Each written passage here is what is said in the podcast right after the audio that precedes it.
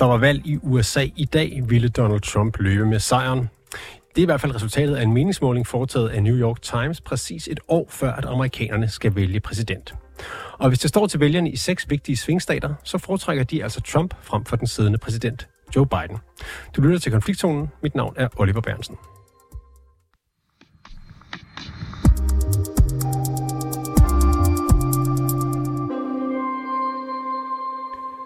Nevada, Georgia, Arizona, Michigan, Pennsylvania og Wisconsin. Det er alle sammen amerikanske delstater, som blev vundet af Biden under seneste præsidentvalg.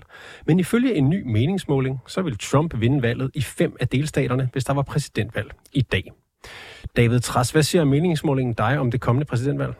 Ja, det siger det er indlysende nemlig, at vi skal forberede os på, at øh, det bliver super tæt, og at øh, Donald Trump sagtens kan vinde. Lige nu, som du rigtig siger, Oliver, så er han jo faktisk uh, favorit, men der er jo et år til valget. Men pointen er, dem, der tror, at det er en walkover for Joe Biden og demokraterne, de uh, tager virkelig fejl. Og du er jo uh, mange år i USA, kender tidligere korrespondent David Tras, og har skrevet op til flere bøger om USA. Velkommen til programmet. Tak. Også velkommen til dig, Mads Delgaard Madsen. Du er ledelsesrådgiver i Rambøl og tidligere ved den danske ambassade Washington D.C. Øhm, den her meningsmåling, den er jo lavet nu, fordi der som sagt er præcis et år til valget. Hvor meget betyder den her måling? Den betyder rigtig, rigtig meget. Man skal altid huske, at meningsmålingerne kommer på det her tidspunkt. De skal ikke ses som nogen, der forudsiger noget. Det skal ses som nogen, der tager temperaturen på det umiddelbare politiske landskab. Så det er nogen, der kan sige noget om trendlinesne. Og trendlines, det kan du gøre noget ved. Så de her meningsmålinger, de, er, de skal ses som en, et kæmpestort wake-up call til den demokratiske maskine og Biden-lejren, så de kan rette ind og lægge deres plan for 2024. Og vi kan også sige uh, velkommen til dig på en forbindelse, uh, Tanja Pinderup Hesner. Du er 24-7's korrespondent i Orlando, Florida. Velkommen til. Tak skal du have. Du står jo lige nu midt i uh, Trumpland. Fortæl os, uh, hvad det er, amerikanerne uh, savner, eller måske nærmere håber på at få i uh, Donald Trump, hvis de skulle vælge ham næste år. Jamen altså, der er jo ikke nogen tvivl om, at privatøkonomi, det er en af de ting, der fylder rigtig meget hos den almindelige amerikaner, og inflation, den rammer altså Biden meget hårdt. Befolkningen hårdt, det er ligesom om de længes altså efter den her økonomi, de havde, da Donald Trump han sad i præsidentembedet. Og så er der også rigtig mange, der frygter for landets samlede økonomi. Man synes, at Biden han bruger for mange penge på udenrigspolitik, og det er jo selvfølgelig en frygt, der er blusset yderligere op nu, hvor vi ser de her uroligheder i Mellemøsten hvor Biden jo igen har måttet tage stilling til, hvordan USA de vil hjælpe. Øh, så der er ikke nogen tvivl om, at økonomi og udenrigspolitik, det er noget, der fylder rigtig, rigtig meget. Mads Delgaard Madsen, økonomi og udenrigspolitik fylder rigtig meget, hører vi her. Har du et bud på, hvorfor amerikanerne hellere vil have Trump end Biden? Altså, sådan, jeg vil sige, historisk set, så har øh, siddende præsidenter altid de dår, nærmest de dårligste meningsmålinger på nuværende tidspunkt. Det er nu, vælgere straffer den siddende præsident og læser deres utilfredshed ind i en, hvad kan man sige, et alternativ. Læser alle de utilfredsheder med det, de har, ind i et alternativ, som kan løse det. Så øh, det, det er en alvorlig meningsmåling, det her for, for Joe Biden, men der er altså noget historik her, der kan, der, der kan formidle omstændighederne for Joe Biden, hvis han retter ind, simpelthen. Men altså, det, det der er forværende for Biden, det er den eneste faktor, den største faktor i meningsmålingen, det er, at det er noget, han ikke kan gøre noget ved, og det er hans alder. Så, så det, er lidt spørg- det er lidt interessant at komme til at se, hvordan de kommer til at omgå det. Du siger det med historisk, at man har det dårligste meningsmåling her, hvis man er siddende præsident. Det er nu, at folk de er blevet rigtig øh, utilfredse med det, de kender, og vil have det nye øh, skinnende legetøj, de kan se øh, ude på horisonten. Ja, lige præcis. Altså, hvis du går og tager den selv samme avis, øh, New York Times i 2011, med selv samme meningsmåling, øh, to på forsiden stillede de spørgsmålet, er Obama toast? Fordi han stod over for Mitt Romney, og Mitt Romney førte også i svingstaterne på, på, på nuværende tidspunkt. Øh, så så, øh, og han, altså et år efter, så gik han hen, så smadrede han jo faktisk øh, fuldstændig Mitt Romney med den demokratiske maskine, som han fik aktiveret i løbet af 2024, delvist baseret på de ting, der kom i den meningsmåling på det tidspunkt, hvor han ligesom kunne vide, hvad han skulle rette ind efter. Men på det tidspunkt, der arbejdede tiden jo med Obama, skal vi huske, fordi Obama han var 50 år på det tidspunkt. Man kan sige, helt fysisk så arbejder tiden ikke med Joe Biden, fordi hans største svaghedspunkt er hans alder, og han er jo et år ældre om et år. Ja, og, og lige præcis alderen, det er jo også noget, som, øh, som vælgerne i New York Times, de svarer. Øh, 42 procent af de adspurgte vælgere mener, at Joe Biden er for gammel til at blive genvalgt. Og øh, hvis Biden bliver genvalgt, så vil han være 86 år gammel, når hans præsidentperiode udløber i januar 2029. Øh, David Tras, øh, Trump er jo heller ikke helt ung. Han, øh, han fyldte 77 i sommer. Øh, hvorfor bekymrer Joe Bidens alder amerikanerne så meget mere, end, end Joe, øh, Donald Trumps alder bekymrer dem? Øh, jeg tror, vi alle sammen kender mennesker, der er sådan omkring 80 år eller ældre. Vi ved godt, at nogen virker ældre, når de er 80, end andre virker, når de er 80. Og det er jo interessant, fordi jeg synes jo, det er helt åbenlyst, at selvom selvom Donald Trump kun er fire år yngre end øh, Joe Biden, så virker han en hel del yngre. Kort sagt, fordi Joe Biden begynder for alvor at virke gammel. Og det her, det kan man simpelthen ikke tale sig ud af, hvor stort et problem det er, fordi en ting er, at republikanere synes, han er for gammel dybt, dybt inde i det demokratiske parti. Både blandt folk, der betyder noget i partiet, men i den grad også blandt vælgerne. Der kan man simpelthen mærke, at vi kan godt lide good old Uncle Joe, men vi er bekymret over hans alder. Og her er der jo det helt afgørende afgørende vigtige amerikanske valgkampe, det er modsat danske. I danske valgkampe, der stemmer sådan cirka 9 ud af 10 vælgere, og det de går hen og stemmer hver eneste gang. I USA er det cirka halvdelen, det er ikke de samme hver gang. Man skal puffe sine vælgere ind til stemmeurnen den dag. Det bliver hans store problem. Og når Mads fortæller, hvordan Barack Obama ændrede det, øh, efter at han var bagud i målingerne i 11 og vinder valget stort i 12, jeg så det, fordi han massemobiliserede i særdeleshed unge vælgere. Det er simpelthen svært at se, hvordan gamle øh, Joe Biden, han skal formå at gøre det. Tanja Binderup Hessner, hvor meget bliver der talt om alderen på, den, øh, på øh, hvad hedder det, Joe Biden, der hvor du er i Florida? Ja, men øh, det lyder lidt som det, David også han er inde på, øh, og jeg må også øh, erkende, at øh, jeg har ikke tal på, hvor mange øh, memes jeg efterhånden har set omkring øh, Joe Bidens alder. Det er noget, der fylder rigtig meget over, det er noget, der bliver slået ned på øh, hele tiden, altså også hver gang han er ude og lave den mindste fejl, så det er hans alder, de, øh, de ligesom øh, øh, går på igen. Og den amerikanske forvaltning, den kræver jo, at du skal være fyldt 35 år for at blive præsident, men øh, der er ikke nogen øvre grænse, og det er altså faktisk noget, folk de har begyndt at diskutere rigtig meget igen. Hvorfor har vi ikke en øvre grænse i den amerikanske forfatning? Øh, så synes jeg også, det er værd at komme ind på, at selvom øh, Bidens alder er en stor politisk udfordring for ham, så er det altså også noget, han er begyndt at bruge aktivt, øh, nu hvor vi kan se, at et nyt valg det nærmer sig. Øh, vi har i hvert fald set, at øh, Joe Biden han har joket med sin høje alder ved flere lejligheder, øh, og det er især det seneste års tid, vi har set det. Og det er en klar strategi, altså, som David også inde på. Han kan ikke løbe fra sin alder, øh, så nu der forsøger han at gøre en af sine, hvad kan man sige, politiske svagheder til en styrke ved at nævne øh, den her livslange erfaring, som jo er et plus ved at, at have den høje alder, han har. Øh, Joe Biden han har også skrevet historie ved at være den første 80-årige præsident, der har boet i det hvide hus. Øh, men det er altså en rekord, der deler vandene her i USA. Øh, for rigtig, rigtig mange, de er i tvivl, om han mentalt og helbredsmæssigt er i stand til at bestride øh, præsidentposten i øh, endnu en periode.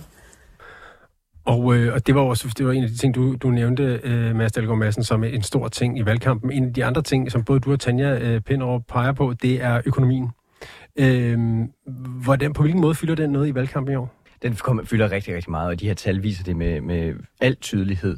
Øh, og, det, og det viser igen et, et paradoxal position, som, som Joe Biden han, han, han står i, fordi han reagerer over en helt ekstrem robust økonomi. Den bedste økonomi i verden lige nu, faktisk. Den amerikanske økonomi performer ud over alle grænser, hvis du sammenligner med alle mulige andre økonomier, hvor der er lønfremgang til, til stort set alle amerikanere. Men, men den, det positive budskab, som, som Joe Biden han, han umiddelbart har der, det bliver annulleret af en høj inflationsrate og en høj øh, en, øh, en, øh, en, en høj interest rate. Øh, rente. rente. En høj nationalbanksrente, ikke? Så, så amerikanerne får ikke fornemmelsen af, at de er i en god økonomi, fordi de bliver annulleret af de her sådan realøkonomiske, øh, situ- den realøkonomiske situation lige nu. Så han kan ligesom heller ikke rigtig høste den. Men man kan sige, at inflationen, den kan jo også nå at falde om et års tid. Altså, vi skal altid se det om et år. Ikke? Der kan inflationen også nå væk. Så kan nogle af de her gode økonomiske øh, tendenser i økonomien, kan de nå at boble op til overfladen, så han kan nå at høste nogle frugter på den, eller kommer vi ind i en økonomi, øh, en recession, så det ser endnu mere alvorligt ud for Biden. Det er virkelig, virkelig nervepirrende. Og amerikanerne kan huske øh, økonomien under Trump som, øh, som noget helt fantastisk. Ja, de husker, hvad kan man sige, nostalgisk tilbage på den økonomi. Mest nok fordi der er inflation nu, så husker de tilbage på et tidspunkt, hvor der ikke var inflation. Altså i USA, der er det bare, it's, it's the economy stupid, og the buck stops here. Så hvis der er noget, øh, som, øh, som de er utilfredse med i økonomien, så giver man præsidenten skylden, også selvom øh, præsidenten ikke nødvendigvis kan gøre noget ved det. Omvendt, hvis der er noget, der går godt, så høster øh, præsidenten frugterne, som, som Trump gjorde i mellem 16 og 20. Og øh, vi, vi skal nok vende tilbage til Trump øh, senere i programmet, men jeg vil godt lige øh, tage lidt øh, forspring på det øh, nu. Øh, fordi Donald Trump han forsøger at, at skabe en fortælling om, at hans valgsejr, eller hvad hedder det, valgnederlag i 2020 blev stjålet, og øh, ja, det var en sejr, og at hele det politiske system i USA er, er korrupt, og demokratiet under afvikling og sådan noget.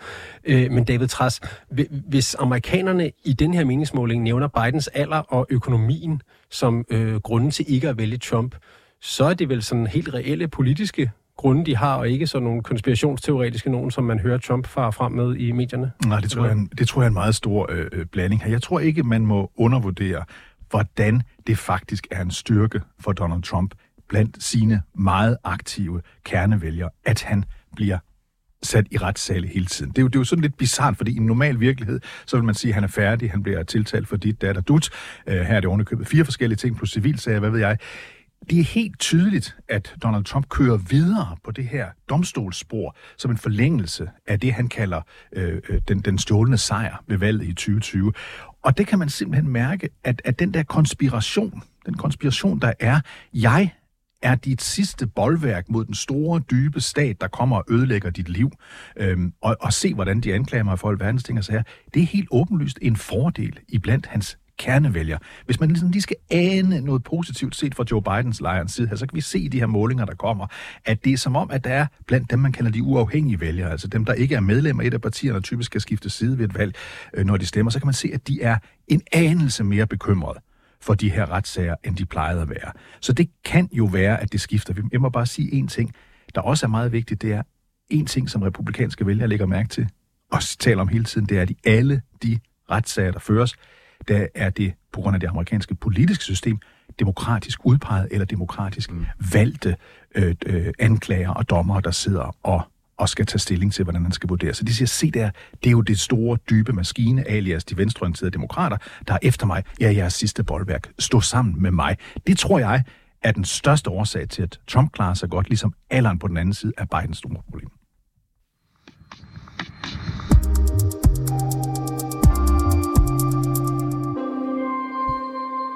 Som lovet, så skal vi nok vende tilbage til Donald Trump og, og alle hans øh, kvaler eller fordele lidt senere i programmet. Øh, men nu når vi taler om Joe Biden og hans politiske øh, overlevelse, som vi måske kan kalde det, så vil jeg også lige hyre en anden meningsmåling frem, nemlig en fra ABC News' 538 øh, hjemmeside, som blev udgivet i weekenden.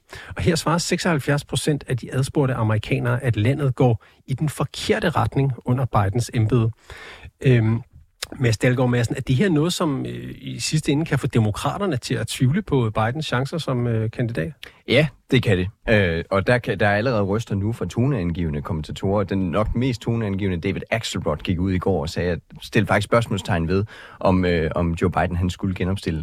Øh, og anmodede, altså, man kan sige, opfordrede præsidenten til at tænke over, om det her i virkeligheden var hans egen personlige ambition, eller om han egentlig havde det amerikanske demokrati og demokraternes ved at vel for øje i, øh, i, i den her konstante søgen efter, eller i den fortsatte kandidatur mod, mod det hvide hus. Så det kan godt øh, få demokrater til at tvivle på, om det overhovedet skal være præsident Biden, der, der skal kæmpe mod Trump i 2024. Men her er det bare vigtigt at, at skelne imellem et vores danske, et dansk parti og et amerikansk parti, fordi det her det er ene og alene Joe Bidens beslutning. I USA, når det er det, I USA der er det sådan, at hvis du er præsident, så du leder af partiet, og hele magthierarkiet er dig. Så lige nu er demokraterne Joe Biden, og det er virkelig, virkelig svært at se nogen sådan aktivt vælte ham. Der er ikke noget bagland i Vestjylland, der kan vælte en Jakob Ellemann, øh, sådan, som vi ser det i dansk politik. Det er altså ene alene Joe Biden, der skal beslutte, om han stiller op eller ikke gør. Hvis der er nogen, der prøver at vælte ham, så siger al historik, jamen, så fører det til en borgerkrig, og så splitter man partiet ned i midten, og så garanterer du, at Donald Trump han bliver valgt i 2024.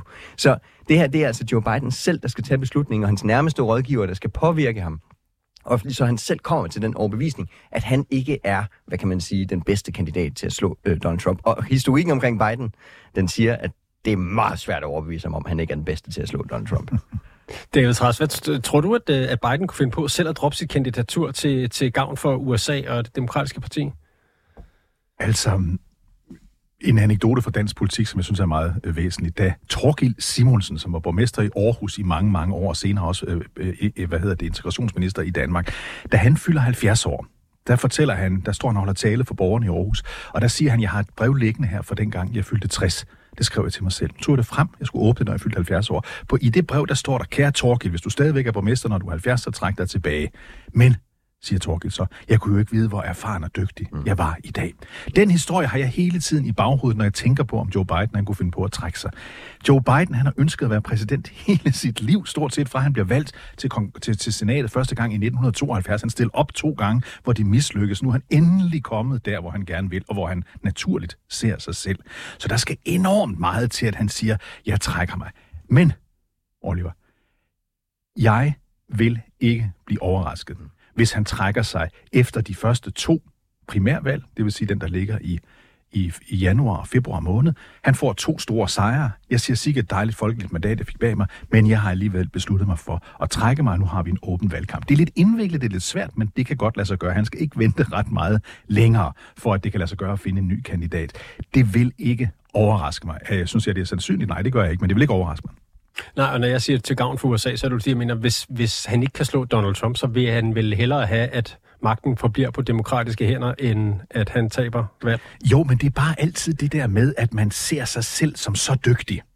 At, at, at hvem kan dog træde til i stedet for mig? Kan min vicepræsident Kamala Harris? Nej, det ser ikke sådan ud. Hvad så med guvernør dit og guvernør dat og senat og sådan og sådan? Nej, jeg er nok den bedste. Sådan mm. tror jeg, at det, at det er svært. Det ved jeg bare med alle politikere. Det er kolossalt svært at trække sig tilbage. Men det kan jo være, at David Axelrod, som var ingen her hvem som helst, har Mads nævnt det før, han var måske Obamas vigtigste rådgiver. Når han begynder at sige sådan noget, så taler han ikke helt alene. Han taler i et kor af folk, der snart begynder at tale også, tror jeg. Du står og markerer, Mads. Ja, men det, det er så rigtigt, og det er også bare et personkarakteristik her omkring amerikanske politikere, er, at de er af total overbevisning om, at de er de bedste til at gøre deres job. Fordi hvis du, hvis du ikke har den overbevisning, så er du der slet ikke i forvejen. Så er du slet ikke i toppen af amerikansk politik, fordi det kræver det simpelthen at være i de der øh, derop. Så det vil være meget opsigtsvækkende, hvis han trækker sig. Men alle, øh, hvad kan man sige, alle scenarier er på bordet her, fordi vi står i sådan en ekstraordinær situation. Det vil jeg, det vil jeg helt klart sige. Hvad siger du til Davids plan om at gøre det efter de to første primærvalg? Ja, det, det er en kreativ løsning, og jeg kan sagtens se det for mig. Spørgsmålet er så, hvem det er, der skal overtage øh, posten der, fordi de har jo virkelig haft svært ved at udvikle en bænk, øh, demokraterne. Altså, det er svært at se den der store kandidat. Vi har en Gavin Newsom i, i Kalifornien, der måske kan gå ind. Han, altså, hvis en AI øh, lavede en amerikansk præsident, så ville der bare komme et billede ud af Gavin Newsom. Ikke? Men han er en kalifornisk demokrat. Måske svært at appellere til svingstatsvælgerne. Så har vi en Gretchen Whitmer i Michigan, der, der virkelig er et, er et godt navn, men har hun den nationale, det nationale navn på nuværende tidspunkt til at kunne gøre det. Øh, man skal virkelig hurtigt skulle kunne overbringe det kampagneapparat, som, som Joe Biden han har fået opbygget, for ligesom at, at komme videre. Men hvis jeg også bare lige må sige ting, altså, også fordi jeg siger, at jeg er skeptisk for, om han trækker sig både på personkarakteristika, men det må være så frustrerende at se på, på de politiske resultater, som Joe Biden han har leveret. Han er en af de mest succesfulde demokratiske præsidenter. Han har fået gennemført noget historisk stort demokratisk øh, politik øh, i sin tid som, som præsident. Inflation Reduction Act, største klimareform, noget land har fået gennemført, altså noget enkelt land har fået gennemført. Infrastructure Investment and Jobs Act, den største investering i infrastruktur, infrastruktur siden Eisenhower. Han lavede øh, det fælles motorvejsnetværk i, i USA. Noget, som demokrater har skrevet på i lang tid, og noget politik, som selv Obama nok ikke kunne have fået gennemført. Men det er simpelthen på grund af, at det er Joe Biden, på grund af hans erfaring, vil han sige, øh, der, øh, der overperformede han på den politiske resultatside. Så det må være frustrerende for ham at stå med de resultater, og så se øh, de her meningsmålinger.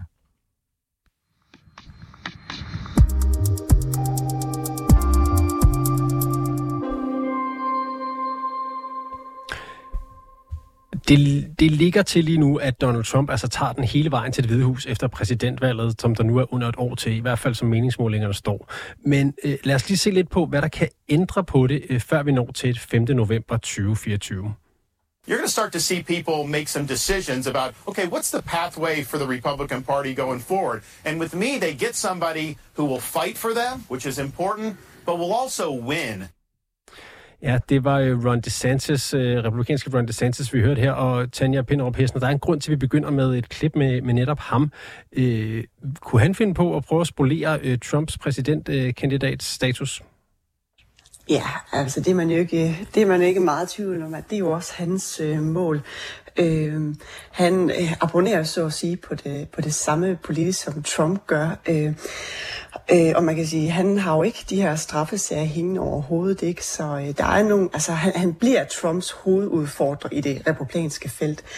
Øh, så, så det er der ikke nogen tvivl om. Og som han jo også selv siger, jamen så er han øh, Trump without the drama. Så man kan sige, det er det, vælgerne ved, de får. Det er øh, Trump, øh, en, en, en ny Trump-person, øh, men uden alt det her øh, drama, vi har set, hvor øh, statsledere bliver øh, kaldt øgenavne og så videre. Det er jo så det, han går ud og siger, at det er den, han er.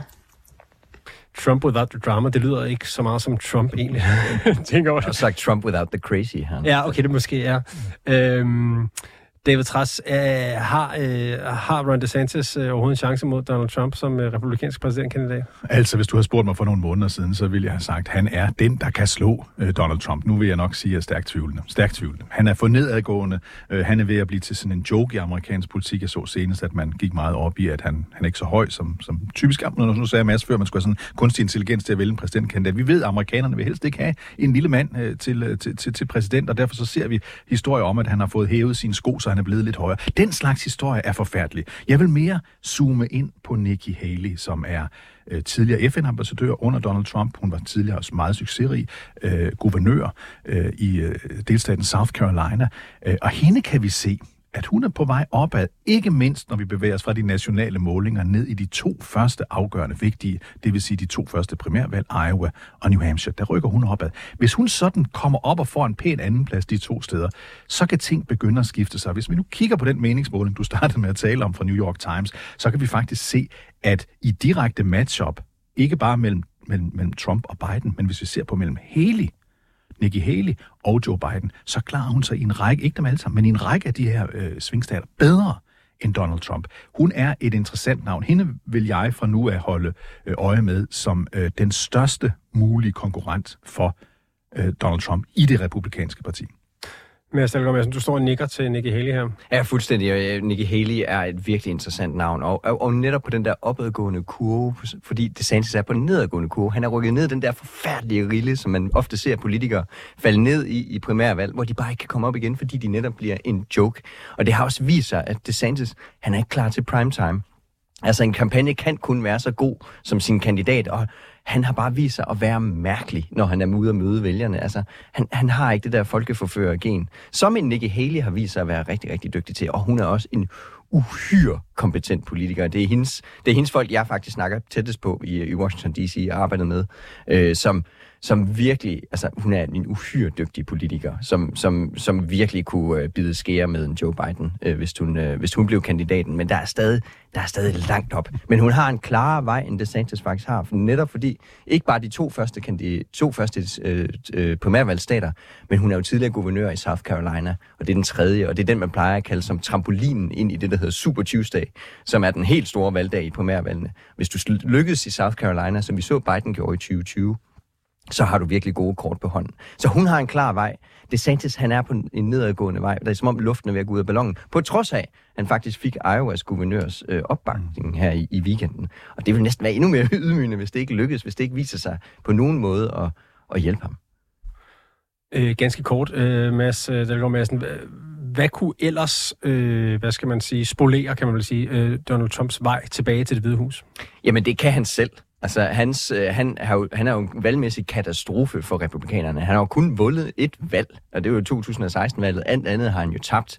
Øh, han formåede at, at, at tabe på vegne af republikanerne. Så han er sin egen værste fjende på, på det her. Om, og det vi så i 2020-valget, og det er det, Joe Biden han håber på, det var jo, at han tog så meget hvad kan man sige, øh, oxygen ud af lokalet. Han tog så meget medieopmærksomhed, at svingvælgerne simpelthen blev trætte af ham. Og det er det, som Biden, øh, Biden-kampagnen håber på sker i foråret, når de her store retssager begynder, at han simpelthen bare bliver en altdominerende figur. Og det bliver så absurd, så, så Joe Biden han står tilbage som den voksne i lokalet. Så det er ham selv, der kan spolere det. Tanja Pinderup Hessen, Fitchus øh, USA-korrespondent i Florida. Derfra, hvor du sidder, øh, ser det så ud som om, at, at det her resultat, det holder der jo et helt år til valget? Altså ja, som du siger, der er et helt år til valget, øh, og der er, øh, der er rigtig øh, meget delte meninger herover. Øh, men der er også ting, man har været utilfredse med med øh, Biden, og det er jo det, der lige nu, altså når vi har den her meningsmål, som så blusser op igen. Øh, Biden slog sig på at have den her nødvendige udenrigspolitiske erfaring til at kunne træffe de her svære beslutninger. Det har han selvfølgelig også gjort til en vis grænse, men så så vi tilbagetrækning fra Afghanistan, som jo virkelig gjorde, at børnene, øh, øh ved, befolkningen de var øh, utilfredse. Og hele det her katastrofale forløb omkring tilbagetrækning, det har altså sat store spørgsmålstegn ved øh, Bidens dømmekraft. Okay. Øh, så der er rigtig mange ting, hvor befolkningen ikke føler, at de har fået det, de skulle, øh, da de har fået Biden. Okay. Så det er svært at se. Altså, nu har vi jo også, som vi har været inde på øh, tidligere, Tanja, de her jeg, bliver, straffes. jeg bliver simpelthen nødt til at, at, at bryde dig af, fordi vi har ikke så meget tid tilbage. Men mange tak, fordi du var med. Tanja Pinderup Hessner, 24-7 USA-korrespondent i Florida. Tak for det. Og tak til dig, David Tras. Tak. Mange år i USA kender tidligere korrespondent. Og tak til dig, Mads Dahlgaard Madsen, ledelsesrådgiver i Rambøl og tidligere Danmarks ambassade i Washington D.C.